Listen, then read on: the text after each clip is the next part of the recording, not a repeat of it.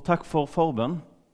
Jeg har vært eh, spent i dag. Jeg er alltid spent på talene, men i, i dag var jeg såpass spent at jeg merka for en halvtime siden at noe var galt. Da måtte jeg tenke hva som er galt. Jo, jeg har glemt å spise frokost. Så, så, jeg måtte bare hive i meg en banan, for jeg kan ikke stå her og begynne å få lågt blodsukker heller helt. Men, uh, så dere må bare fortsette å leve i bønn. Det er, det er helt sant når det er sagt at uh, vil dere ha en god tale, så må dere be mye. Vil dere ha gode forkynnere, så må dere be for dem. Det er helt, helt avgjørende. Så takk for forbønn.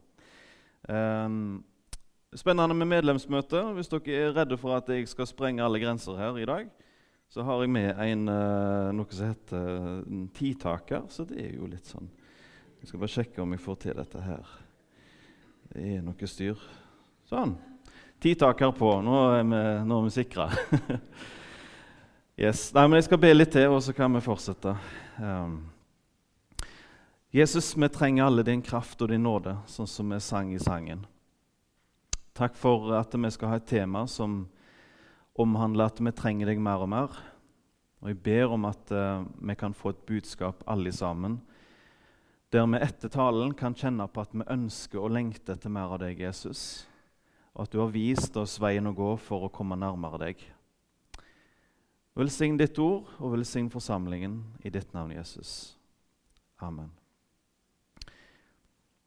Det er veldig mange tekster som går an å uh, finne når det gjelder mer av Jesus. Av en eller annen grunn så landa jeg på Paulus sine ord i Filipperbrevet. Og vi kan få opp eh, kapittel 3, og så skal jeg lese fem vers der. Og Disse versene her, følg nøye med på dem. Det er altså en kilde her som viser hvordan vi kan få mer av Jesus. Paulus skriver.: Jeg er omskåret på den åttende dag av Israels ett, av Benjamins stamme, en hebreer av hebreere, i forhold til loven en fariseer, i nidkjærhet en forfølger av menigheten, og etter rettferdigheten i loven var jeg ulastelig. Men alt det som var en vinning for meg, det regner jeg som tap for Kristi skyld. Ja, så visst regner jeg alt som tap sammenlignet med det som er så mye mer verdt, kunnskapen om Kristus Jesus, min Herre.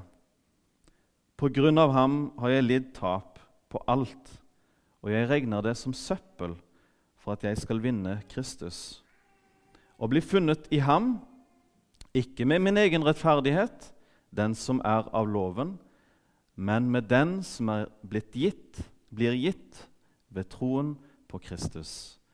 Rettferdigheten som er av Gud på grunn av troen. For at jeg skal kjenne ham og kraften av hans oppstandelse og samfunnet med hans lidelser. Jeg kan stoppe der. Eh, han skriver òg videre ved at jeg blir likedannet med hans død, om jeg på denne måten kan nå fram til oppstandelsen fra de døde. Den siste setningen eh, har jeg studert litt på, og det er nok det at Paulus tror at han skal Paulus vil være lydig til døden akkurat som sin herre. Og om han skal bli en martyr, det er han åpen for. Han, han eh, han vil bare ligne hans mester, er egentlig de siste ordene, med å bli likedanna med hans død. Jeg skal ikke bruke mer tid på det. Um, Paulus her skriver han har mye å skryte av. Det er få her inne som har en bedre CV rent sånn religiøst sett enn det Paulus hadde. Men i møte med Jesus, når Paulus møter Jesus, så bleikner jo alt dette her. Han har ingenting igjen, ser han, av det som han før holdt så høyt. Nå er hans ære og, og var i Jesus. Det er det som betyr noe for han, å bli funnet i han, å skjule seg i han og ha hans ære i at han tilhører Jesus. Og Det vitnesbyrdet der ligner på Asaf når Asaf kom inn i helligdommen. Jeg går ikke så mye mer inn på det, men Asaf hadde et møte med både Guds ord og med Gud med noen utfordrende spørsmål. Så endte han opp, så står det i Salme 73, 25. Dette leser jeg bare. Så skriver Asaf.: Når jeg bare har deg, så ønsker jeg ikke noe på jorda. Det samme vi finner hos Paulus. Han vil bare bli funnet i han. Det er det han trenger. Og når jeg bare har deg, ønsker jeg ikke noe på jorda. Og Her skal jeg bare plukke fram noen ting som vi kan lære hvis vi ønsker å komme dypere eh, og nærmere Jesus. Nummer én det er jo nokså tydelig her at vi bare kan glemme egen, eget strev og lovgjerninger. Soloprosjekt og religiøse stunt med egeninnsats og egenkraft, det kan du glemme skal du komme nærmere Jesus. Alt handler om Guds nåde, Guds tilgivelse, Jesu forbønn, Den hellige ånd kraft. Er det som vi får gratis hos Gud. Jeg skal gå litt mer inn på det. hvordan kan vi ta dette her i praksis? For dette er store, sterke ord. Um, det er faktisk så sterkt, dette her, når det står at vi skal kjenne Han og kraften av Hans oppstandelse, at noen teologer har tenkt at de ordene der det kan antyde til at det fins et annet nivå i kristenlivet. Et, du, har normale kristne, og så har du et sånt, sånn enorm kristen der oppe.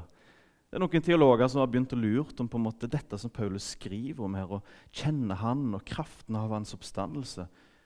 Er det snakk om noe annet enn det vi er vant med? Jeg skal prøve å gå litt inn på dette her. Um, å være kristen er noe levende. Uh, jeg kan si at uh, Ok. Jeg må jo si når jeg leser om kraften av hans oppstandelse, at uh, den kraft som Jesus ble reist opp med, den skal leve i mitt indre. Og jeg kjenner jo på det i hverdagen.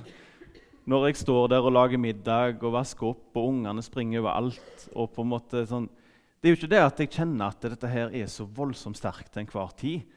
At jeg bare går og svever rundt omkring på en sånn åndelig sky. Men så må jeg inn i Bibelen og bare skjønne hvordan dette her, er det en sammenheng med at jeg kan, jeg kan lese og be, og allikevel så kjenner jeg at det kan være litt sånn tørt av og til. Og Da kan jeg se i 2. Korinterbrev 4,7 at denne kraften, oppstandelseskraften, den har vi i leirkar. Jeg og du, Hvis jeg og du får kjenne alt som Jesus gjør i oss, alt det som Gud virker i oss, så kommer du til å bli no, jeg er nokså sikker på du kommer til å bli høy på pæra. Du kommer til å bli høy på deg sjøl, og du Du kommer til å Ja, og så videre og så videre. Så Derfor så er, har Gud gjort det sånn at du skal få lov å være i bevegelse av Guds ånd uten at du plent føler så mye av det og kan si akkurat nå virker Gud sånn og sånn og sånn. Men Gud kan bevege deg og gjøre veldig mye i deg. Han gjør faktisk mer enn du tror i ditt liv, uten at du får greie på alt sammen. Det er han som virker i deg, både til å ville og virke for hans gode vilje. Og en del av dette her får ikke du se alt av. Men bevegelsen er der. Så av og til når du ikke føler så mye, og sånne ting, så se hva retning du har. Se litt på hvordan Gud beveger ditt liv. Og Hvis du bare ligger på sofaen og ikke vil noen ting, og bare sånn og sånn, ja, da er det fare på ferde, da. Da er, da er, du ikke i bevegelse lenger. Da, få, da, da kan det være at Den hellige ånd må ransake deg og få deg i bevegelse. Få deg til kilden igjen. For Av og til kan det faktisk være at det er tørt. Vi er ubevegelige. Og da skal vi komme til Jesus. Da skal vi ikke bare bli liggende og tenke at ja, ja, men jeg har dette i lærkar. Ting må ikke bli en unnskyldning for oss heller. Ok, Jeg kan gå videre. Vi må ha noen flere vers på dette her med, med Guds kraft og det å kjenne Jesus. Vi kan få 2. Eh, Peterbrev 3,18. Dere skal vokse i nåden og kjennskap til vår Herre og Frelser Jesus Kristus. Ham være ære nå og til evighetsdag. Amen. Vi ser at nåden det er noe vi skal vokse som kristne. Er vi enige om det? Det er ikke at jeg er frelst, og så er jeg ferdig med det, så bare venter vi på at jeg dør. Det er en bevegelse, det er en vokst. Vekster. Vi kan ta et annet vers. 2. Timoteus 2,1 om akkurat det samme. Vær da sterk, mitt barn, ved nåden i Kristus Jesus. Og De versene her er så sterke og er så mektige og så viktige i våre liv. Og når Jeg, jeg jobbet i Salem i Stavanger en gang for noen år siden. og Da var dette her min siste avskjedstale til flokken. Hvis jeg skulle finne de viktigste ordene i Bibelen, på en måte, så, så gikk jeg og bladde til hva var Paulus sitt siste testamente. Hva var det han på en måte, Dette var hans siste brev. Hva var det han skrev til Timoteus på sine siste dager som var viktig? Jo, bl.a. dette her. Vær da sterk, mitt barn, ved nåden i Kristus Jesus. Det tror jeg er det viktigste jeg kan si til en, til en bror og søster i Jesus. Dette her. Hvis dette her er i ditt hjerte, og du grunner på dette her og lever i det, da er jeg ikke redd for deg. Ok, Men hvordan da kan vi komme dypere? Men hvordan? Ok, Jeg skal prøve å se. Ord som 'bli avhengig av Jesus', 'bli i Han', det er det samme som å bli sterk i nåden.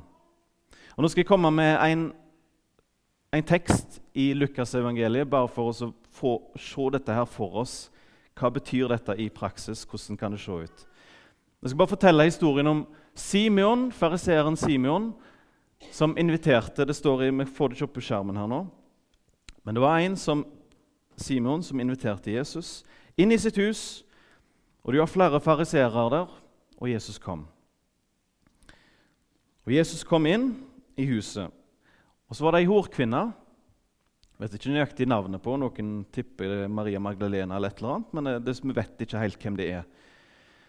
Så kom det ei horkvinne òg som hører at eh, nå er Jesus tatt inn hos Simon, nå, eh, i Simon, og nå vil hun komme.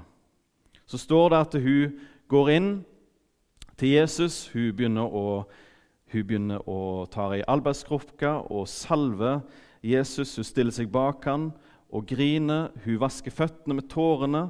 og Hun kysser han og salver han. Og Så begynner fariseerne å se på dette her. Og de rister på hodet og syns det er helt forskrekkelig og avskyelig at ei horkvinne går så nærme. Og de, ehm, de krysser av lista si at de tror ikke lenger at han er en profet. For det der kan enhver menneske få Det er åpenbart at det er hun der burde han ikke vært i lag med. Og så oppdager jo Jesus dette, så klart, denne murringen. Og så sier Jesus til Simon at nå har han noe å si han. Og Så sier han et eksempel på to som skyldte en pengeutlåner. En skyldte 500 denar, en skylder 50. Og Så spør jo, så sier han Jesus at uh, han pengeutlåneren han sletter gjelda til dem, til begge to. Og Så spør han jo hvem elsker og hvem er mest glad etterpå av de to. Og Da sier jo Simon at det er den som fikk mest gjeld utsletta. Og Jesus sier ja, det er helt rett. Og så sier Jesus disse ordene her. Så snudde han seg til kvinnen og sa til Simon.: Ser du denne kvinnen? Jeg kom inn i huset ditt. Du ga meg ikke vann til føttene mine, men hun har vasket føttene mine med tårene sine og tørket dem med håret. Du ga meg ikke noe kyss, men denne kvinnen har ikke holdt opp med å kysse føttene mine siden jeg kom inn. Du salvet ikke mitt, mitt hode med olje, men denne kvinnen har salvet føttene mine med velduftende olje. Jeg sier deg, hennes synder, de som er så mange, er henne tilgitt. Derfor elsker hun så mye. Men den som har fått lite tilgitt, elsker lite. Og han sa til henne, dine synder er deg tilgitt. Og de som satt til bords med ham, begynte å si til seg sjøl, hvem er denne som til og med tilgir synder? Og så sa han til kvinna, din tro har frelst deg, gå bort i fred. Denne teksten her er helt spesiell for meg. Første gang jeg hørte den, er tolv år siden. Da gikk jeg som et vanlig medlem i Salem i Stavanger. Jeg, eller jeg gikk bare innom. Jeg er ikke var medlem engang, men jeg bare hang innom litt. Og så var det denne teksten her de talte over. Og jeg hadde akkurat begynt å ta noen nye steg i tru. Jeg hadde, jeg hadde vært på en måte kristen i tre år. Men jeg hadde alle mine tre år som en kristen prøvd å holde Jesus på avstand. Jeg hadde prøvd å på en måte leve kristenlivet på min måte, ikke som alle kristne som jeg syns virka litt kjedelig, men ville ha min frihet. Og så sitter jeg på galleriet i Salem, og denne teksten blir så sterk at jeg til slutt blir overbevist om at eh, Gud prøver å vise meg noe. Og dette er det jeg oppdager. Jeg har invitert Jesus inn i livet mitt som 18-åring. Men jeg var ikke hengiven og glad over min nye gjest. Jeg var med Jesus, men på mitt vis, akkurat som Simon. Inviterte Jesus, men gjorde ikke noe mer ut av det.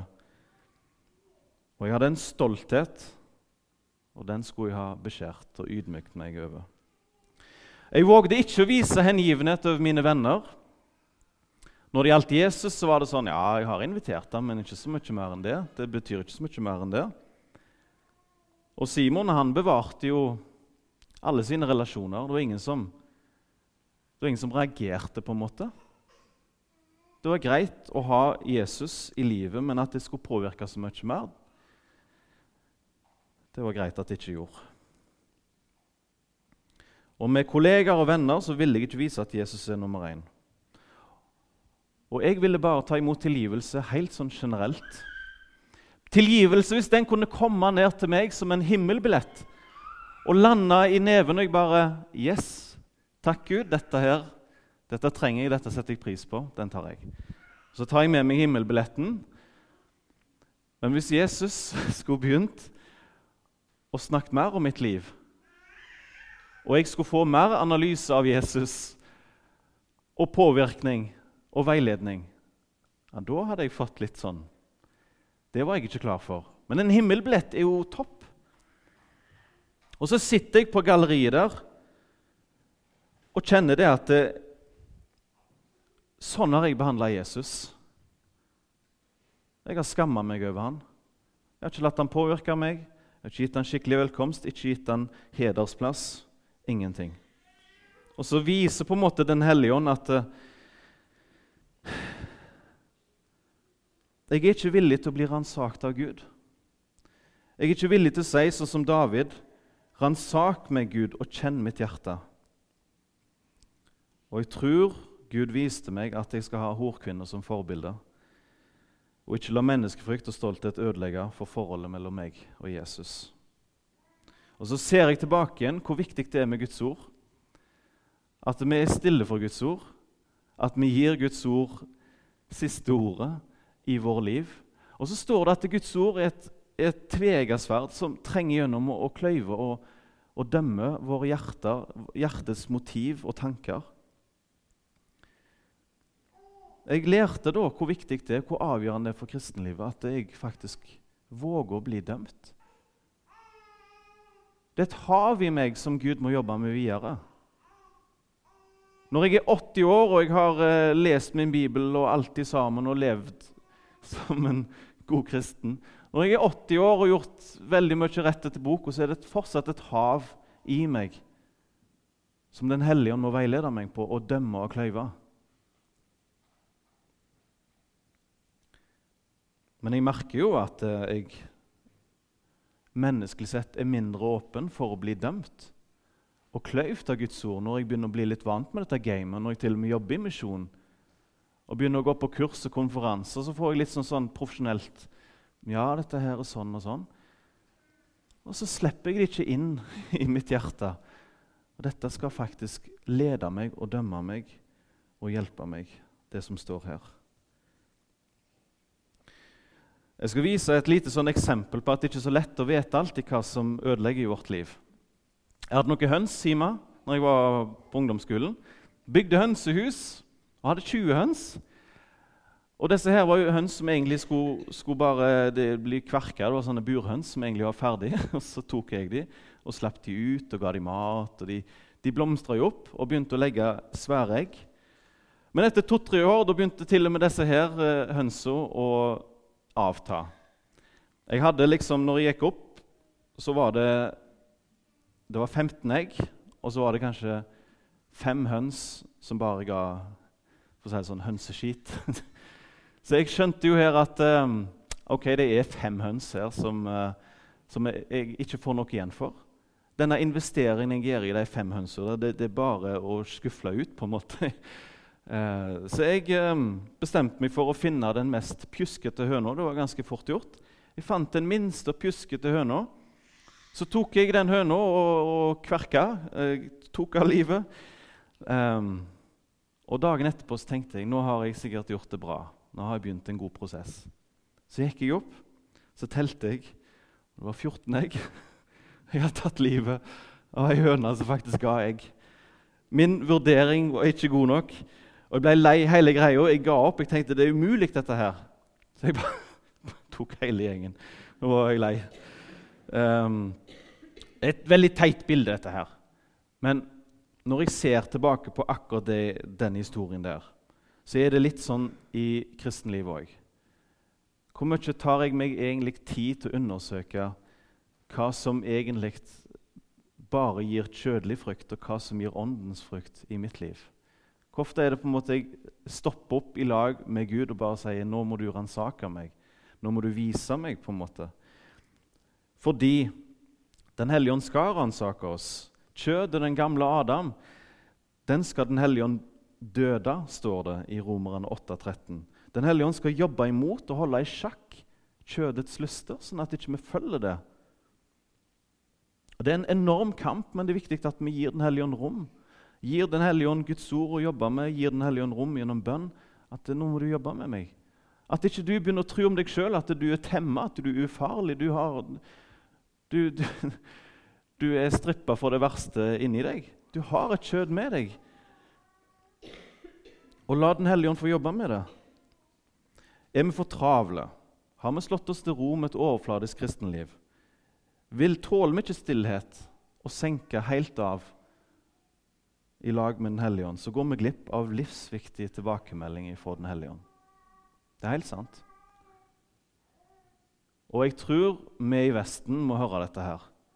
Vi trenger stillhet mer enn andre plasser i verden, tror jeg. Jeg og du med våre apper og våre sosiale medier trenger stillhet. Og det tar tid faktisk at vi får den roen vi trenger. For Den hellige ånd må jobbe mye med oss for at vi skal bli sterke i nåden og kjenne Jesus. Bare tre områder som Den hellige ånd jobber, jobber med. Min synd skal Den hellige ånd vise meg. På en sånn måte at jeg blir sønderknust, så jeg ser at jeg virkelig trenger Jesus. Ikke bare vet det, men at jeg, jeg erkjenner at jeg må faktisk komme til Jesus. Ikke lettsindig, men, men virkelig. Og nummer to Den hellige ånd må vise meg rettferdigheten hos Jesus. Der kan jeg ta min tilflukt og vise meg nåden, hva han har gjort for meg, og hva han fortsatt gjøre for meg. Og nummer tre han må vise oss at denne verden her en gang skal stoppe, og at vi skal gå over til dom. Og Det burde i hvert fall få oss ydmyke og få oss til å skjønne at jeg, jeg må være i Jesus den dagen jeg kommer til Guds trone. Jeg har ikke sjans uten Jesus. Ok, Nå har jeg fokusert på setningen 'kjenne Han' og kraften av Hans oppstandelse et kjennskap som skal vokse. Han skal vokse i mitt liv. Men det hadde blitt helt tomt hvis ikke jeg hadde fått med meg den andre setningen. Og det er nemlig og samfunnet med hans lidelser. Og samfunnet med hans lidelser.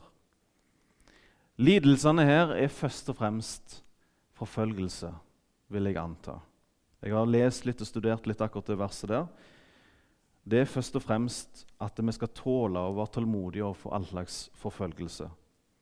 Men jeg ser jo gjennom Bibelen at Jesus lider når han ser at byen Jerusalem ikke ville høre på ham. Innbyggere i Jerusalem har gang etter gang steina profetene. Og til og med nå så kommer de til å vende seg vekk imot, imot Jesus. Og det gjør vondt for Jesus. Det er klart at det er en lidelse, nøden i verden, at folk ikke er frelst.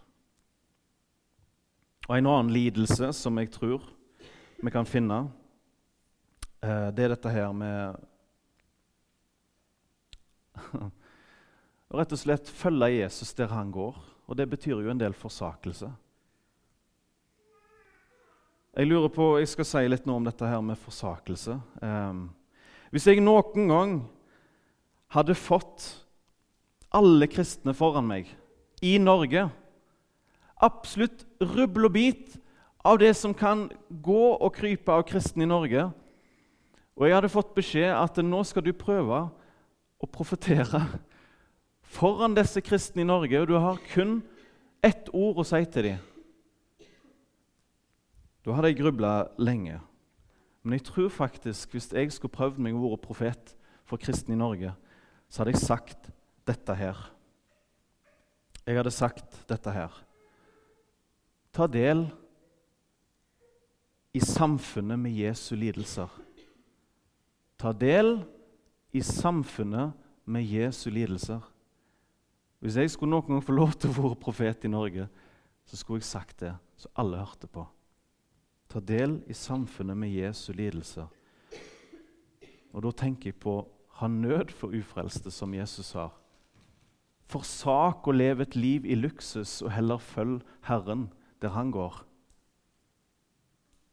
Og om du blir sett på som en raring som gjør andre ting enn det som verden gjør, så, så tål det. Om du til og med går over til fysisk forfølgelse, så tål det, men ha del i hans lidelser. Det skulle jeg likt å ropt ut inn i mitt eget liv. Hver dag så må jeg se at nå lever jeg faktisk mer i luksus enn det jeg trenger. Hver dag så ser jeg det, og jeg, jeg ser at dette er en setning som jeg må jobbe med i mitt liv. Og så lurer jeg jo på, når jeg ser at kollekten går nedover, så lurer jeg liksom på hva som, hva som egentlig er galt, for vi har jo mer penger enn noen gang. Og så, og så kommer gang på gang så ser jeg NLM at det økonomien går nedover. Når vi er på topp når det gjelder økonomisk. Så Jeg skjønner det ikke på en måte helt. Er det for at vi ikke forsaker alle goder og luksus, livets rikdom og Jeg må jobbe med meg sjøl med de tingene der. Og det er så herlig å bare sitte på sofaen, merker jeg. Det er der det er herligst å være en kristen sånn menneskelig sett, på sofaen. Og Et eksempel dere skal få. For to-tre uker siden så fikk jeg kjenne på den der, eh, for de kreftene, sofakreftene. Jeg hadde blitt bedt om å komme ut på Ruten her i Sandnes, det er jo rett borti her, og ha andakt og gå ut på gata og evangelisere fra 11 til 3 på natta en fredag kveld. Og Det er stasjon 316 som NLM har, som driver her borte. Det er kjempebra. De står i venterommet her borte. og har innreda det til evangelisering. Og Så kom den fredagen, da, og jeg hadde skallebank. Og jeg var trøtt. Jeg får skallebank én gang i året, og akkurat den dagen der jeg fikk skallebank. Og så tenkte jeg nei, nå, nå ringer jeg ned til den ansvarlige og bare spør, for det var høstferie òg, da. Så tenkte jeg nå skal jeg ringe og høre om det er avlyst, for det er jo høstferie. Så jeg innerst inne, helt ærlig, så håpte jeg at uh, hun skulle si, hun ansvarlige, at å ja, nei, det er høstferie nå. Å ja, du har ikke fått beskjed? Nei, jo greit. Du kan bare være hjemme. Å, kunne jeg bare sittet der og spist chips. Det var det jeg menneskelig sett håpte på. Og Så ringte jeg, og så sa hun da at Å ja, det, du er kjempevelkommen! Og vet du hva, vi mangler folk, så det er kjempebra at du kommer. så alt eh, håp forsvant. Jeg måtte ned. Så det, det, tvang jo meg bare til å gjøre én ting. Jeg måtte bare ned i, på mitt kontor og ned på kne og be til Jesus om at nå må du hjelpe meg. For jeg har ingenting å gå med. Jeg har ikke engang lyst til å gå. Så galen er jeg nå. Og så sitter jeg der og bare ber og venter på Jesus. Og så får jeg på en måte en rulletekst i meg med, med Lukas um, 14, der, der, det er en lignelse om gjestebudet. Der det er en herre som sender ut en tjener som sier at alt er ferdig, kom til festmåltidet. Og så den ene til den andre unnskylder seg. Den ene til den andre unnskylder seg. Jeg kan jo lese det. Gå straks ut på byens gater og torg og hent inn de fattige og uføre og blinde og lamme, står det.